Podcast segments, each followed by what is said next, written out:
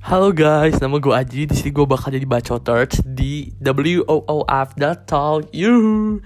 Nah di sini gue bakalan jadiin platform WOOF Talk ini. Jadi buat ngobrol-ngobrol kita nih, biar saling terkoneksi. Nah, gue bakal ngomongin tentang yang pertama relationship, terus kedua gue bakal ngomongin tentang friendship, terus gue ngomongin tentang self improvement, terus juga gue bakal ngomongin tentang kayak cara pandang gue terhadap kasus-kasus yang lagi fenomenal saat ini dan juga pengalaman-pengalaman gue yang asik-asik tentunya.